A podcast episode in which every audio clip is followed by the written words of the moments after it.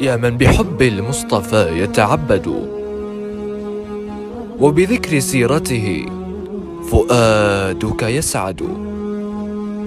إن الصلاة على النبي بكثرة فيها فضائل جهلها لا يحمد. تجزى بعشر في مقابل مرة وتحط أوزار ويعلى مقعد. والذنب يغفر والهموم يحلها. رب كريم بابه لا يوصد.